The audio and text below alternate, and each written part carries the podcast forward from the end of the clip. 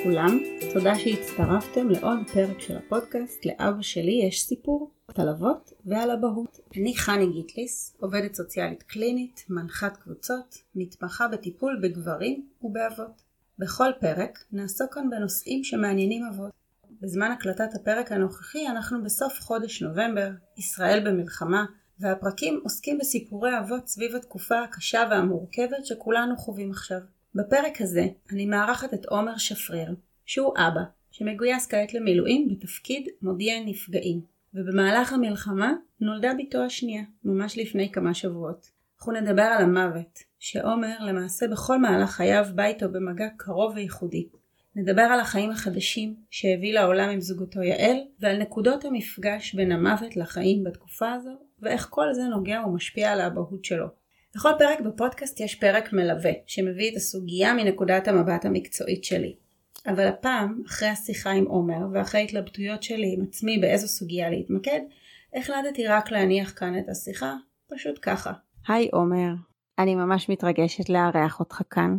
אה, אנחנו עכשיו כבר אה, בעצם אה, שבעה שבועות תוך המלחמה, אני ככה ממקמת את המאזינים שלנו בנקודת הזמן, ואני רוצה להתחיל ככה באמת איפה המלחמה תופסת אותך? בשביעי לאוקטובר, איפה זה תופס אותך?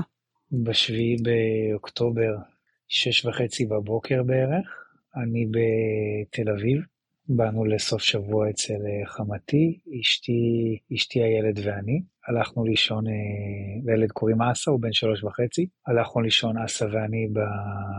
בלילה באותו חדר, ובשש וחצי בבוקר אנחנו פתאום שומעים אה, שני בומים מאוד מאוד חזקים. אני מתעורר מהבומים, הוא מתעורר יחד איתי, הוא פוקח את העיניים עם מבט ככה מבוהל, ואומר לי, אבא, מה זה?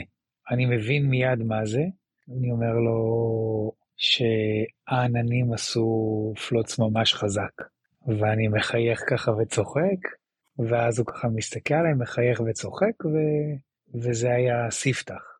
אה, ברוך הבא לשביעי באוקטובר. בהמשך שלה אנחנו מבינים שקורה משהו, מחליטים האם להישאר בתל אביב או לנסוע, אמרנו אחרי כמה שעות בוא ניסע אה, לעופר, לחוף הכרמל, כשבאמצע אנחנו שומעים אה, אזעקה, זאת אומרת יש אזעקה וצריך לרוץ מהר לחדר המדרגות. האמת שאני לא זוכר מה הסברנו לו, למה הסברנו לו. לא למה. פעם ראשונה? ברור לי, כן, כן. ברור לי למה הסברנו לו, אבל אני לא זוכר מה היה ההסבר שנתתי לו, למה כולם עכשיו בחוץ ולמה כולם מודאגים, אבל זה עבר די חלק. ונסענו אחרי כמה שעות לעופר. אני רוצה להגיד and the rest is history, but uh, ההיסטוריה קורמת עור וגידים ברגע זה, כל שעה ושעה, זה לא נגמר עדיין. נכון, לך יש תפקיד במלחמה. מעבר לתפקיד שלך עם המשפחה שלך, עם הבן שלך, שככה זה תפס אתכם יחד, יש לך גם תפקיד בצבא. נכון. אני במילואים משרת כמודיע נפגעים בגזרת חיפה עכשיו, ובמסגרת המילואים גם יש לי כובע אחד של אה, מודיע, להגיע למשפחות עצמם אה, בצוות, לתת את ה... לבשר את ההודעה, וגם יש לי תפקיד של, אה, שנוסף לי, האמת מהמלחמה הזאתי, של צוות בית עלמין.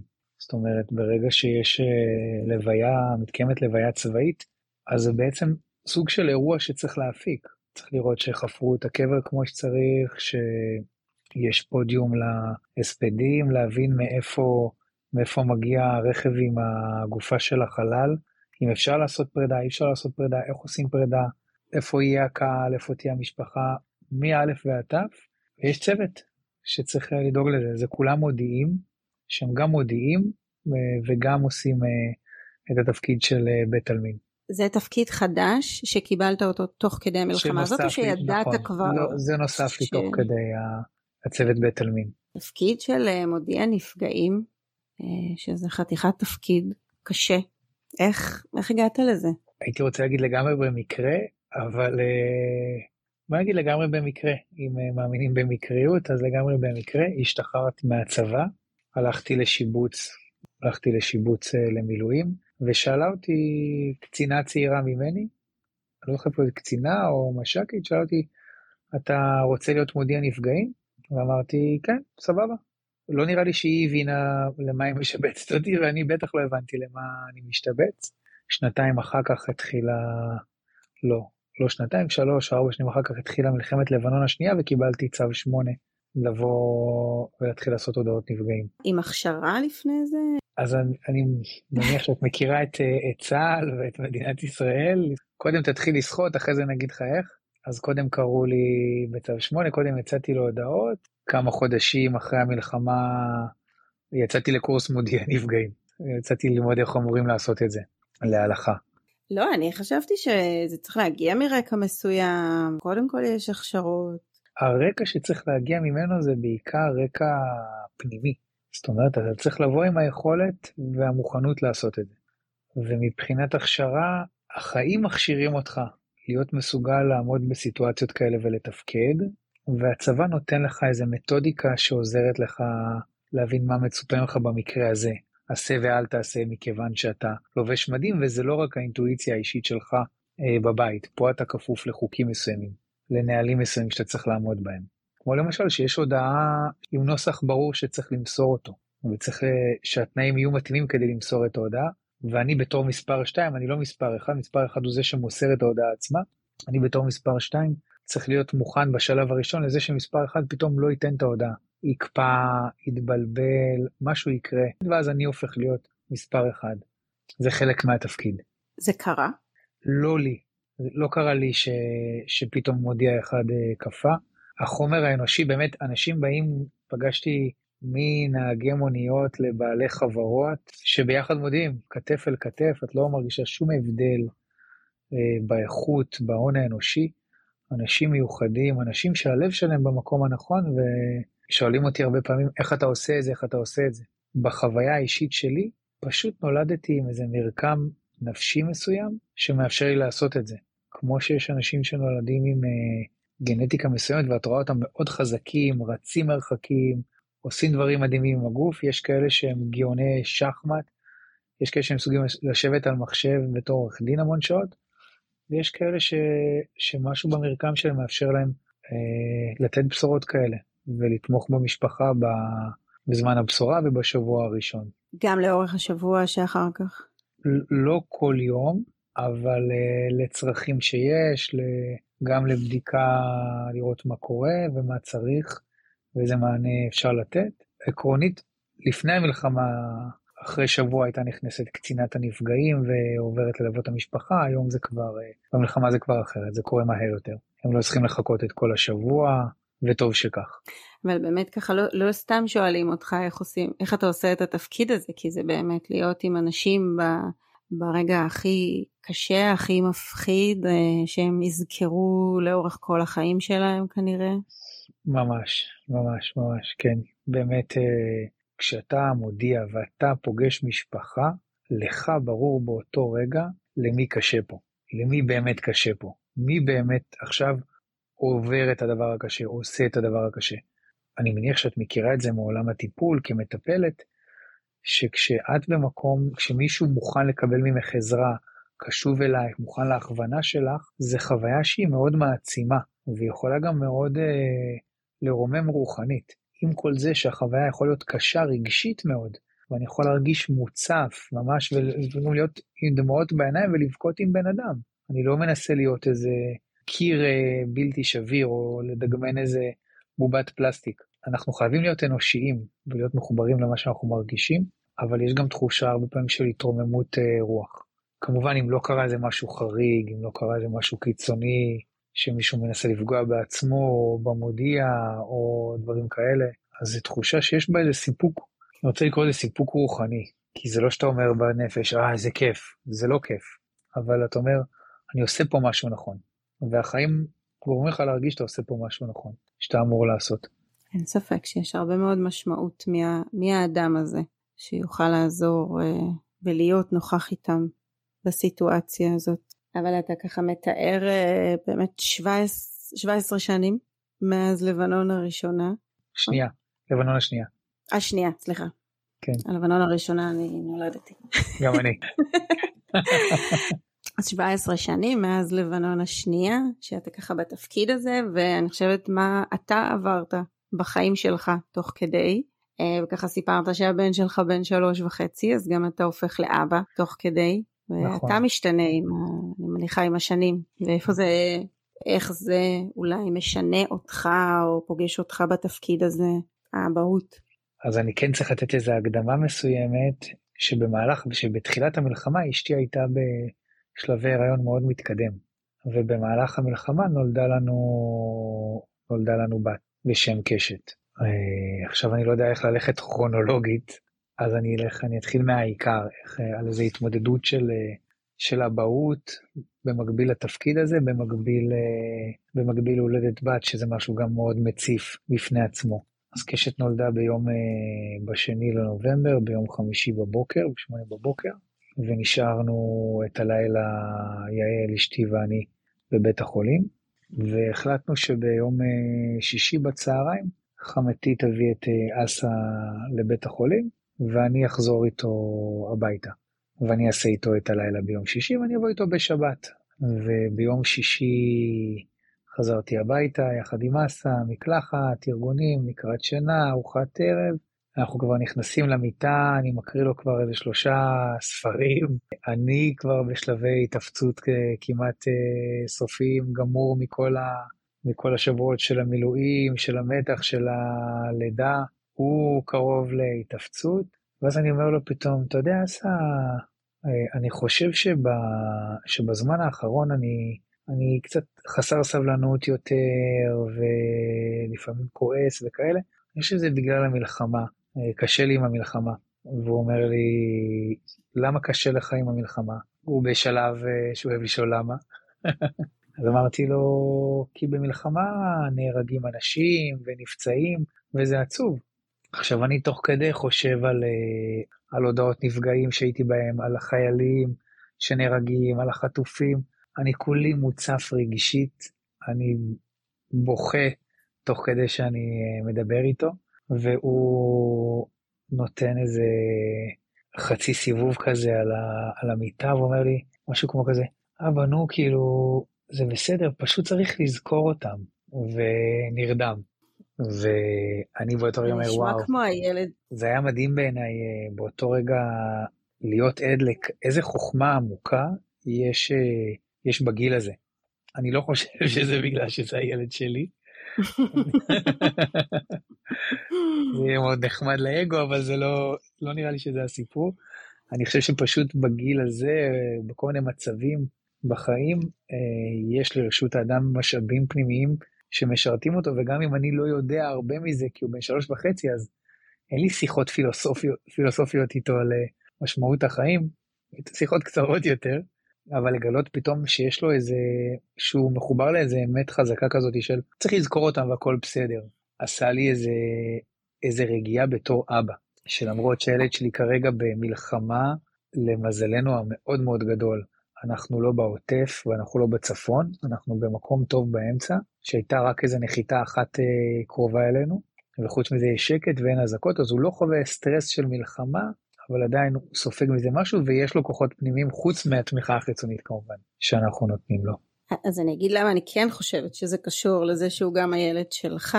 הוא בן שלוש וחצי ואתם לא באזור שיש בו כל כך אזעקות, אה, אבל הוא יודע שיש מלחמה ויש חיילים שנהרגים, אתה גם מודיע לו את זה, הוא כנראה יודע משהו על מוות, כי הוא אומר לך, הוא נותן לך תגובה מאוד uh, מותאמת, ואני כזה מחייכת כי יש לי ילדה בערך בת אותו גיל, שאנחנו מדברות על העניין עם האזעקות, ואנחנו באזור עם הרבה אזעקות, אז היא חווה את זה לא מעט, אבל אין שום דיבור על, לא על מלחמה ולא על הרוגים. זה עצם זה שבכלל מתקיים ביניכם השיח הזה, ואתה ככה מרשה לעצמך לשתף אותו ולבכות לידו ולחבר לו את זה לחוויה שאתה עובר, זה מה שמיוחד. אז נגיד איזה גילוי נאות שבה, שביום יום כשאני לא במילואים, גם אני אה, מלווה רוחני, כלומר אני מלווה אנשים אה, אל המוות, אותם ואת בני המשפחה שלהם, לפני ואחרי, אה, לתהליכי אבל ועיבוד של האובדן. אז אה, אסא חשוף בצורה כזו או אחרת לדיבורים שקיימים בבית. אשתי יעלי עובדת סוציאלית, אז יכולות להיות שיחות באוריינטציה טיפולית. עם אה, עומקים מסוימים, וגם אם הוא ישן במיטה, זה ברור לי, אני זוכר אותי בתור ילד, שלפעמים אתה מתעורר ואתה שומע שיחות של ההורים, והבית שלנו, המרחק הוא צמוד בין חדר השינה לסלון, אה, עם דלת פתוחה, אז הוא שומע וזה בסדר. כלומר, השיח בית על אה, מוות, אני לא מכניס את זה בכוח, אבל אני לא מסתיר את זה. מתוך ידיעה שדיבור רגוע ומותאם על הנושא, מאפשר התמודדות נכונה ובריאה לאורך הזמן והשנים. ולכן אני יכול להגיד לו אה, ביום שישי בלילה כשאני בוכה, כי הוא רואה אצלי מנעד רגשי גם של אבא שיכול להיות אבא כועס, גם אבא צוהל, גם אבא מאושר וגם אבא שבוכה, אה, וזה בסדר, וגם אימא כזאת, וזה בסדר, יש מקום להכל. אז אני יכול להרשות לעצמי להגיד לו שיש מתים ושיש, אה, שאנשים נהרגים, יש אנשים פצועים, וזה עושה לי עצוב. כי בעצם מה שאתה אומר זה שיש בבית שלכם איזושהי הבנה נוכחת, לא רק בימים האלה, שהמוות הוא חלק מהחיים. נכון. כי הוא באמת חלק מהחיי יום יום שלך גם. נכון, נכון, וה... השיעור הכי חזק שקיבלתי על זה שהמוות והחיים הם דרים בכפיפה אחת, זה היה רגע לפני הלידה של אה, קשת. סיפרתי מקודם שקשת נולדה ביום חמישי ב-8 בבוקר, 8 ו-4 דקות, אבל מי סופר? אה, וביום רביעי... לידות ומוות דווקא מציינים מאוד במדויק. נכון, נכון. אז כולנו סופרים. אז ביום רביעי בשעה ארבע וחצי אחר הצהריים בערך. כחלק מתפקידי בצוות בית עלמין, אני נמצא בלוויה בקיבוץ יגור של אה, אסיף לוגר, זיכרונו לברכה, וכשמסתיימת הלוויה בחמש ומשהו, אני רואה הודעה מיעל שאומרת לי, תשמע, אה, נראה לי שכדאי שתבוא, נראה לי שזה מתחיל, הצירים. ואמורה להיות לי משמרת, אני לא זוכר אם באותו לילה בחמ"ל או בוקר למחרת בחמ"ל, שהיא אומרת, כבר נראה לי שכדאי שיגבו אותך במשמרת. אז אני ישר באמת עושה את הטלפונים שצריך, מגיע הביתה, ומבין שבאמת צעירים שמתחילים לה... להעיד שהלידה מתקרבת. אני דואג לבייביסיטר לאסה, מפעיל את כל מה שצריך להפעיל, מכין כל מה שצריך להכין, ואנחנו ככה בקשר עם הדולה מבינים שכדאי לצאת לדרך, וביום רביעי ב-11 בלילה אנחנו מתחילים את הלידה בבית חולים לניאדו. עוד לא בחדר לידה, אבל מתחילים הצירים ככה לתפוס כיוון אה, יציב.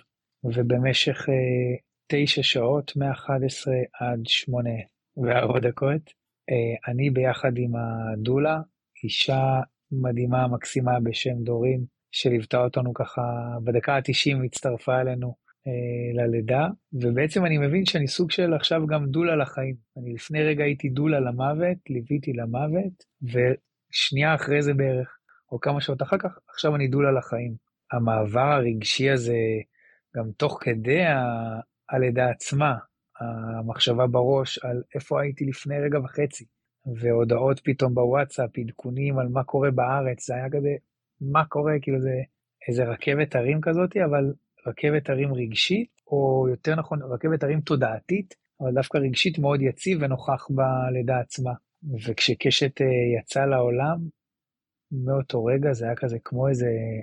היא לא יכלה לבוא בתזמון טוב יותר. זה מדהים כמה ההחזקה של החיים ושל תינוקת בת אה, יומה, גם כשהיא בת שלושה שבועות, אבל כשהיא בת יומה זה בכלל אה, עוצמתי מאוד, היא כל כך עדינה ורכה, שאני חייב להיות מצד אחד מאוד מאוד יציב, ומצד שני מאוד מאוד עדין ורך.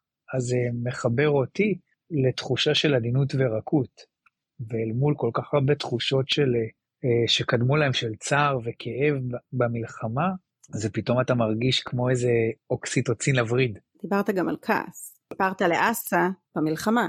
כן, כן, גם של ש... חוסר סבלנות, של כעס, כן, שיוצא ממני כלפיו במהלך, ה... ביום יום, יותר, אה, יותר מברגיל. ופתאום עם קשת יוצא איזה כזה, אה, איזה נחת ככה, איזה נחת רוח. ומאותו רגע זה כמו איזה, היא כמו איזה קפסולת אה, אוקסיטוצין. זאת אומרת, כל עיסוק בה עכשיו לקום בשתיים בלילה לפני יומיים, אם אני זוכר, כן, לפני יומיים. לקום, לא זוכר אפילו, אחת בלילה, הלכתי לישון ב-12 בלילה, אחת בלילה אה, אני לוקח את אסה לשירותים והוא מקיע לה את נשמתו. ואנחנו עכשיו בסשן לילי של הקאות והחלפות של זנים והכל, ואני אומר בלב, וגם בקול יעל, תודה לאל, איזה מזל, תראי איזה זכות גדולה שזה מה שיש לנו להתעסק בו. אנשים עכשיו חטופים, אנשים מתים, אנשים לא יודעים מה קורה איתם, ואני צריך להתעסק בקקי פיפי. תמיד אתה אומר את זה בקונוטציה שלילית, והפעם אני אומר, איזה יופי, בדברים הכי בסיסיים, ולדאוג כרגע לחיים. ומדי פעם אני יוצא ללוויות, ואז אני חוזר לדאוג לחיים, ללוות את החיים. אז איך זה באמת, כאילו, השינויים האלה? להיות תא, להיות עם תינוקת, לחוות את כל האוקסיטוצין, ואז לצאת ללוויות. זה מעברים אה, חדים. כן, כן, זה מאוד מציף רגשית. גם הלוויות עצמן יכולות להיות מאוד מציפות רגשית. אנחנו לומדים לראות, יעל ואני לזהות, שנגיד לפני שאני יוצא ל...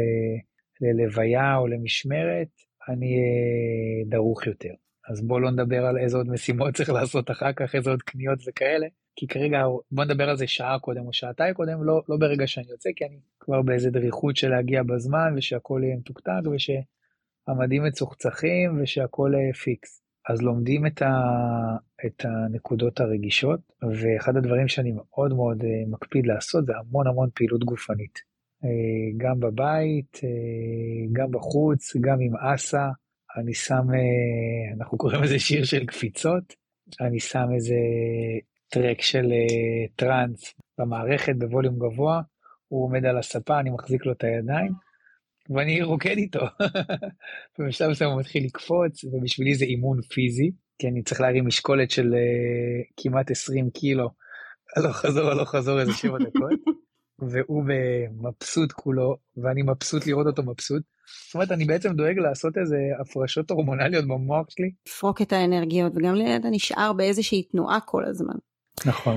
אני חושבת על זה שיש כמה רבדים בסיפור הזה. אחד זה כאילו הסיטואציה הזאת של לידה של תינוקת בתקופה שהיא ככה מאוד אינטנסיבית, גם בעצם, אני מניחה שגם אצלכם ככה כמה שבועות אה, הראשונים לא היו לימודים, נכון? היה ככה כל החיים והשגרה השתנו. אני רגע מדברת על הסביבה הביתית. שתיים זה באמת להיות כאן במדינה עם כל מה שאנחנו עוברים וחווים ונחשפים אליו, חוויות uh, מאוד מאוד קשות תחושות קשות ועוד רובד זה באמת התפקיד שלך. כאילו המקומות שגם באופן אישי אתה פוגש את המפגש הזה עם המוות ואני לא יודעת אם בתוך כל זה גם נכנס או שאתה עכשיו רק במילואים כאילו לא עוסק בעבודה הרגילה שלך בתקופה הזאת. בשבועות הראשונים יש לי מלווה אחד שבגלל המצב שלו הצלחתי לקבל כל פעם אישור חריג כל שבוע להמשיך אה, לפגוש אותו.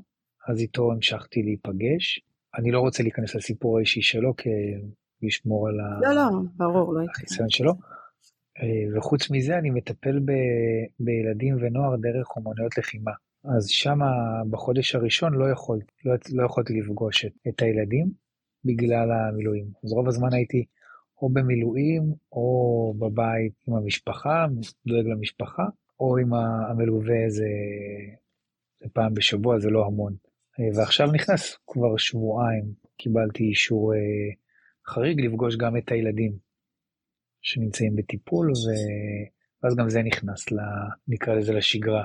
ככה לא הזכרת את זה עד עכשיו, תחליט אם אתה רוצה שכן נדבר על זה, אבל אני ככה חושבת גם על כל מה שקדם ללידה של קשת. אפשר להיכנס גם לזה, אה, לא יודע אם להגיד בשמחה, אבל אפשר להיכנס לזה בשמחה. השם של קשת, הרי הוא לא, היא לא סתם נקראת ככה, והלידה שלה קשורה גם למוות לא, לא רק בגלל המלחמה. נכון, נכון, באמת אה, קשת, אה, לא סתם קראנו לה קשת, גם היה המון דיונים איך לקרוא לה, כי קשת בעצם נולדה אחרי הריון של אה, שנתיים וחצי. עכשיו אנשים ישאלו, הריון אבל זה תשעה, תשעה, עשרה חודשים, מה זה הריון של שנתיים?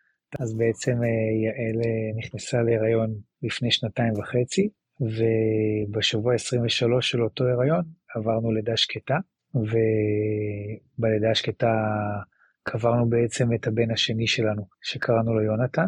כמה חודשים אחרי זה, לא הרבה זמן אחרי זה, יעל שוב נכנסה להיריון, ושוב עברה בשבוע תשיעי פעם אה, הפלה טבעית, לא היה שום שם. לקח עוד הזמן שלקח, עוד כמה חודשים, ויעל נכנסה להיריון עם קשת. ההיריון הזה, מכיוון שקדם לו הפסקת הריון ולידה שקטה, זה הריון שהיה בו המון המון מתח ו... ופחד. ומחשבות ולפעמים גם חרדות של מה יהיה ואיך יהיה. והיא כפרה עליה, ההיריון היה תקין לחלוטין מהרגע הראשון אה, עד הסוף.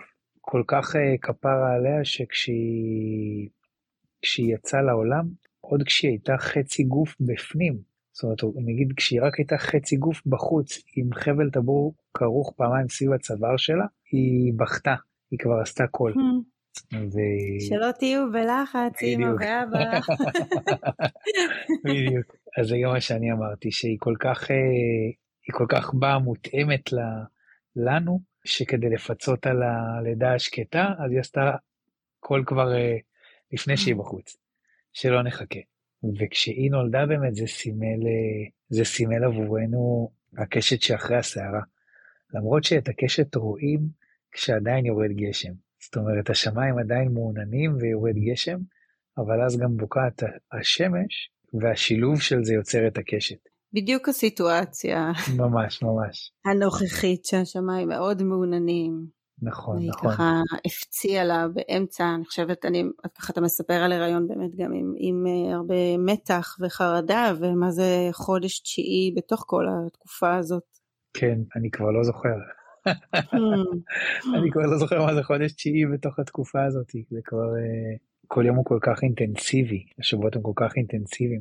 לא להאמין שאמרת שאנחנו שבעה שבועות לתחילת, ה, לתחילת המלחמה פחות או יותר, זה המון. ועבר כל כך הרבה בשבעה שבועות האלה. אנחנו אמרנו שהכותרת של הפודקאסט זה אבות ואבהות. אז דווקא כן רציתי להגיד שאחד הדברים שמאוד נוכחים אצלי בתור אה, אבא במלחמה הזאת, בניגוד למלחמות אה, אחרות שהשתתפתי בהן, שהמחשבה על, ה... על החטופים, על הילדים החטופים, אפילו המחשבה על כל חייל שנהרג, כל חייל ממש, זה מדהים, לא, כי לא חוויתי את זה ככה עד היום. כואב לי עם כל חייל שנהרג.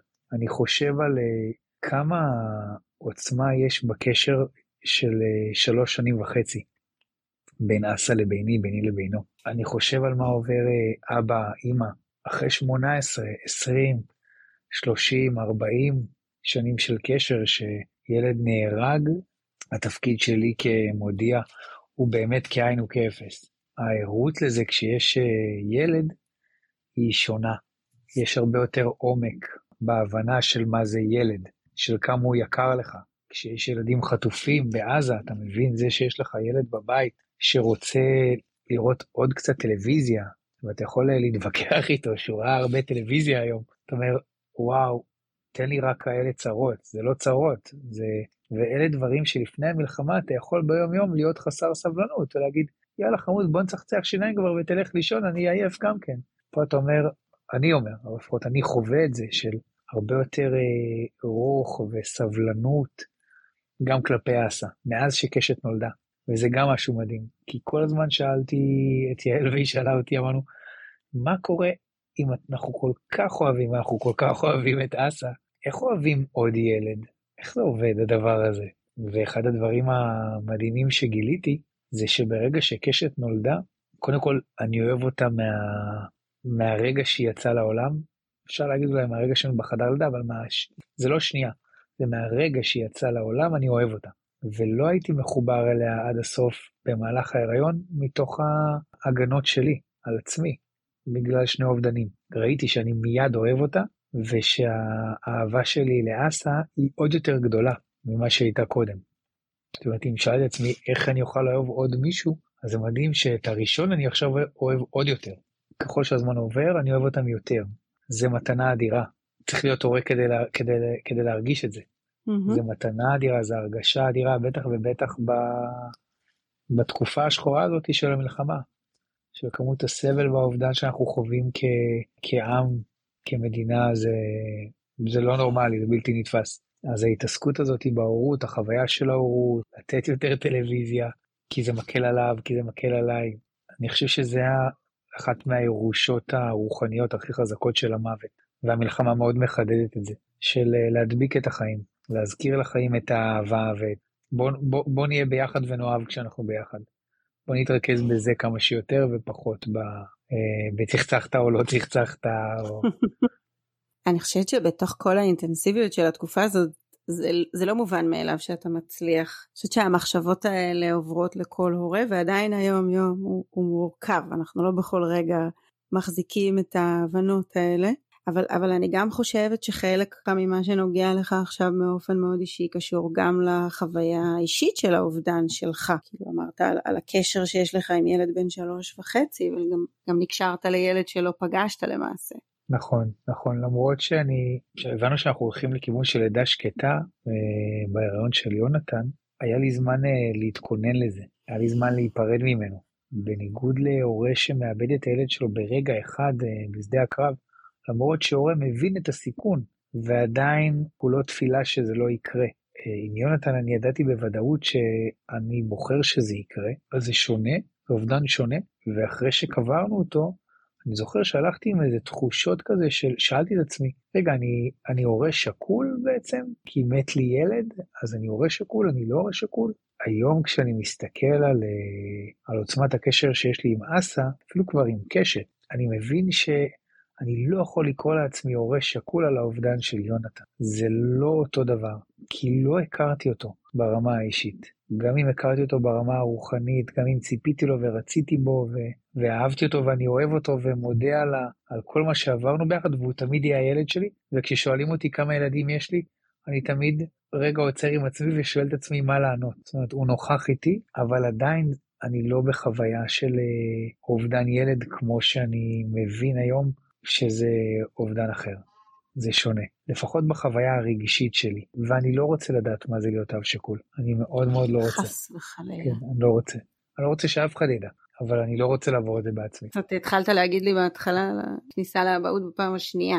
יותר איזה חוויה כזה של אה, יותר נחת, יותר רוגע, יותר הנאה, אה, חיבור שונה, כי אתה יותר רגוע. אני יכול להגיד על זה ש... שבימים הראשונים הייתי מאוד כזה ברגע איך להחזיק אותה זה היא נורא שברירית ועדינה ועם הראש צריך להשגיח ואיך אני אקלח אותה ואיך אני אחליף לה ולמרות שעשיתי את זה עם אסה מיד את כל הדברים האלה אבל אני לא זוכר כבר איך עושים את זה אחרי איזה יומיים או משהו כזה אני שואל את יעל רגע איך איך איך להחזיק אותה עכשיו ואז היא אומרת לי אני לא יודע תרגיש ואז אני כזה אה נכון תרגיש. ואז פשוט אני מסתכל על כפות הידיים שלי, והיא בגודל בערך של שתי כפות הידיים שלי ביחד בהתחלה, ואני מתחיל להרגיש. זאת אומרת, אני פשוט מסתכל כמו שאני מחזיק אה, כדור או בצק או משהו כזה, אני רואה, ופתאום משתחרר איזה, איזה רוגע כזה של, אה, אוקיי, אני כבר יודע להיות אבא. כבר עשיתי את זה, כבר עברתי את זה, תרגיש, נכון. ואז פתאום חוויית האבהות לילדה שנייה היא חוויה הרבה יותר נינוחה. הרבה יותר אה, רגועה, ואז פתאום היכולות חיבור אל קשת הן שונות ממה שהיה עם אסה. אני מצחיק את עצמי, היא מתמודדת עם גזים. מתמודדת עם מילה יפה, היא סובלת מגזים. או שהם רוצים לעלות למעלה או שהם רוצים לרדת למטה, אבל זה עדיין המערכת חדשה גם מגיל שלושה שבועות, ואני מחבק אותה ככה קרוב קרוב, ואומר יאללה, אנחנו עוברים את זה ביחד, זה עוד גל. כאילו כמו עם צירים עם יעל ב... לידה של קשת, אז אני עובר עם קשת כמו צירי כאב כאלה. אלא אני מבין, זה כואב, אני איתך, יש איזה משהו אה, נינוח יותר, תקשורתי יותר מאשר שהיה עם, אה, עם אסה. שזה, שזה הרבה קשור גם לזה שאתה באמת יודע שזה עובר. כאילו הרבה פעמים בפעם הראשונה אנחנו אפילו לא יודעים איך זה עובר והכל נראה כל כך אינסופי וכל כך בעוצמות ופשוט יש לנו איזה שהם פרופורציות אחר כך אחרי שאנחנו כבר יודעים שהגזים כמה שהם נמשכים תקופה וכל דבר הוא זמני. אני רוצה עוד להוסיף שאחת החוויות המיוחדות ש... שקרו עם הלידה של קשת שבה כמו שאמרתי מקודם, אחרי שנתיים וחצי של הריון במרכאות. זאת אומרת, מצפים לה כבר שנתיים וחצי, וסוחבים אה, טראומה של אה, לידה שקטה ועוד אובדן הריון, ומאוד כואבים את זה. ופתאום כשהיא באה לעולם, כשהיא נולדה והיא חיה, והכל בסדר, הרגשנו גם יעל וגם אני רוגע בלב. כאילו איזה כאב שהיה שם, איזה משהו שביקש אה, מענה, איזה מצוקה פנימית, פתאום כזה, זה נרגע. זה לא שלא עברנו טראומה, זה לא שלא חווינו שנים קשות בהקשר הזה, אבל פתאום ברגע אחד, זהו. זה כמו כאב שפתאום נגמר. אתה לא זוכר את הכאב הזה. אתה יודע שהיה שם, אתה יודע שכאבת, פתאום אתה לא מרגיש אותו יותר. אתה מרגיש איזה רגיעה, וזה כל כך מתחבר עם הקשת בענן, עם ה... זה כל כך משתלב השם הזה, עם החוויה הזאת של זהו, נגמרה הסערה, אתה ברגיעה עכשיו. אני כל כך מבין את הרעיון, למה קוראים ליל... לילדים אחרי לידות שקטות, קוראים לילדי קשת. ואתה יודע, שבוע שעבר באמת כתבתי לך את זה בהודעה כשתיאמנו שנסעתי נסעתי מרמלה לחולון, וכל הדרך הייתה קשת מדהימה בשמיים. שיצא כזה אחרי יום גשום כזה, פשוט אי אפשר היה להוריד ממנה את העיניים. בתוך כל התקופה הזאת זה הרגיש כל כך, כאילו אנחנו כל כך זקוקים לראות את זה שזה אפשרי ושהיא יוצאת, והיה בה משהו שכל כך נתן תקווה, בחירה מאוד מרגשת, שככה שמרתם לה את השם הזה. אנחנו מאוד אה, גם מקווים וגם מאמינים ש, שגם קשת, גם אסא, גם עוד אה, אין ספור אה, ילדים וילדות שנולדים בתקופה הזאת, בשנים האלה, פעם היינו אומרים, הלוואי שכשהוא יהיה גדול כבר לא יהיה צבא. ואנחנו לא יודעים מה יהיה. אני עדיין אומר את זה, הלוואי שכשהוא יהיה גדול, כן. זה יהיה צבא הרפואה לעולם או משהו כזה, ולא צבא הגנה לישראל. בגב האומה הם היו אומרים, מאחר וזה לא הולך לקרות. אז אני רוצה להגיד, מכיוון שאני לא יודע מה הולך לקרות, אני כן מאמין שהילדים האלה, הם ידעו לאיזה עולם הם באים, הם ידעו באיזה תקופה הם באים. והם באים עם כוחות ויכולות אה, נפשיות. אם שאלנו מקודם איך אני יכול לעשות את מה שאני עושה כמודיע נפגעים, ואמרתי נולדתי עם אה, מרקם נפשי מסוים, אז כשהם נולדים עם מרקם נפשי מסוים שיאפשר להם להכיל את הקשת המגוונת של ההתנהגות האנושית, של הביטוי האנושי, של הנראות האנושית, כל הרבדים שלו, ולעשות, אה, ולעשות מזה משהו יפה, כמו הקשת בענן. לשלב את זה בצורה יפה, את כל הצבעים האלה. הילדים האלה יצטרכו לדעת לתקשר כמו שצריך אחד עם השני, עם הילדים שלהם, החברים שלהם, עם זרים, עם מוסלמים, נוצרים, טרנסג'נדרים, עם הכל עם הכל, ולדעת למצוא, להיות בשלום אחד עם השני ועם העולם. זה הייעוד שלהם, ואני מאמין שהם באים עם, ה, עם הכוחות האלה כבר. ולנו יש את התפקיד עכשיו לעזור להם לבטא את זה, לסיים את הסערה ולאפשר להם לבטא את, ה, את, ה, את הרוגע שאחרי. הלוואי, הלוואי. הלוואי, אני ממש מקווה שנהיה כבר ברוגע.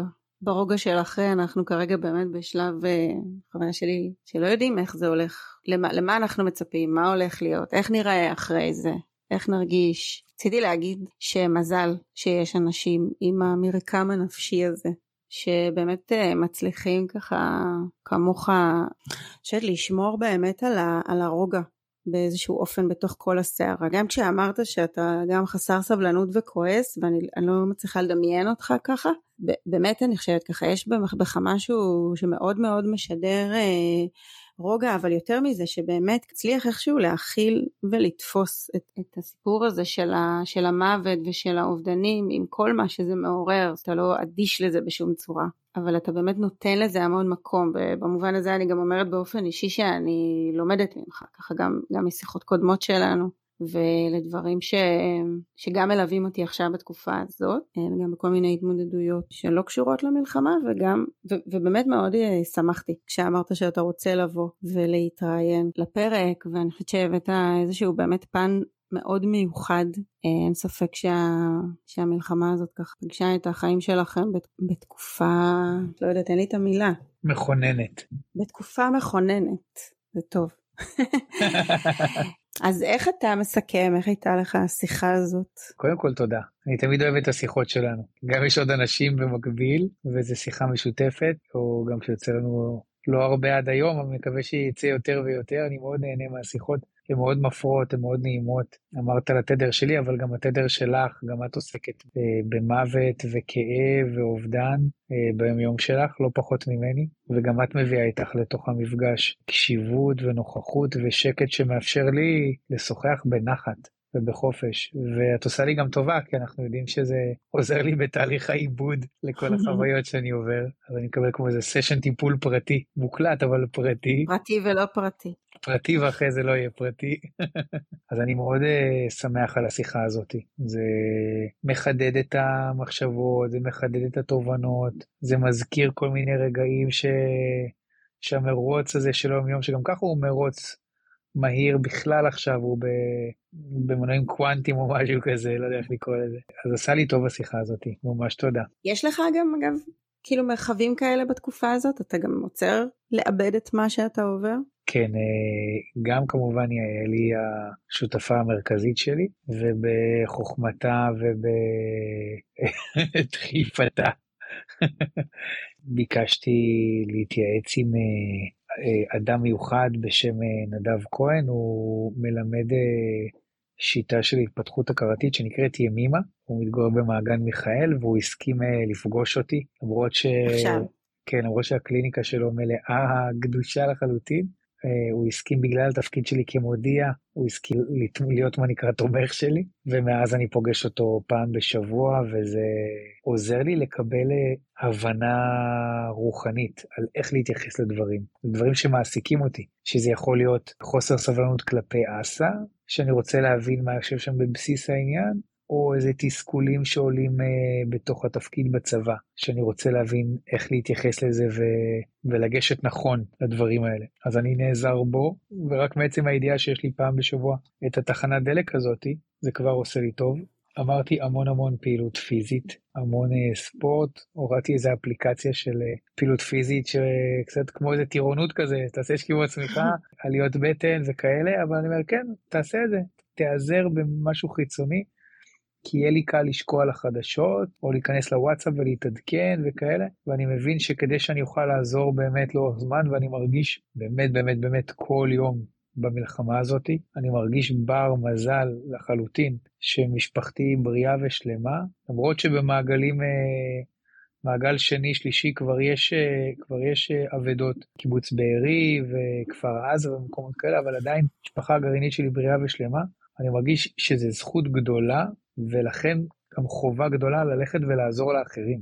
וכדי שאני אוכל ללכת באמת ולעזור לאחרים, אני חייב לתדלק את עצמי. האמבולנס חייב לתדלק את עצמו. אני חייב לדבר עם אנשים, אני כל יום מתקשר לחברים, לדבר איתם על הא ודא גם, לאו דווקא לפעמים עליי, לפעמים עליהם, לפעמים גם וגם, לא משנה על מה, אבל כל יום אני מקפיד להתקשר לפחות לחבר אחד או שניים, כל יום מתקשר לאימא לראות מה שלומה, כל יום דואג לעשות איזה פעילות פיזית כלשהי, זאת אומרת אני מקפיד למלא את הבטריה כי אחרת זה יגמור עליי, אחרת אני אהיה שחוק בלי לשים לב מהר מאוד, חסר סבלנות, עצבני, כועס, מתפרץ, פחות רגיש, יותר סוער רגשית, אנחנו לא רוצים להיות שם, אני לא רוצה להיות שם, המשפחה לא רוצה להיות שם. אם נגיד עוד איזה מילה קטנה על אבהות, אז אחת ההבנות שהיו לי אחרי היומיים הראשונים של המלחמה, שהייתי.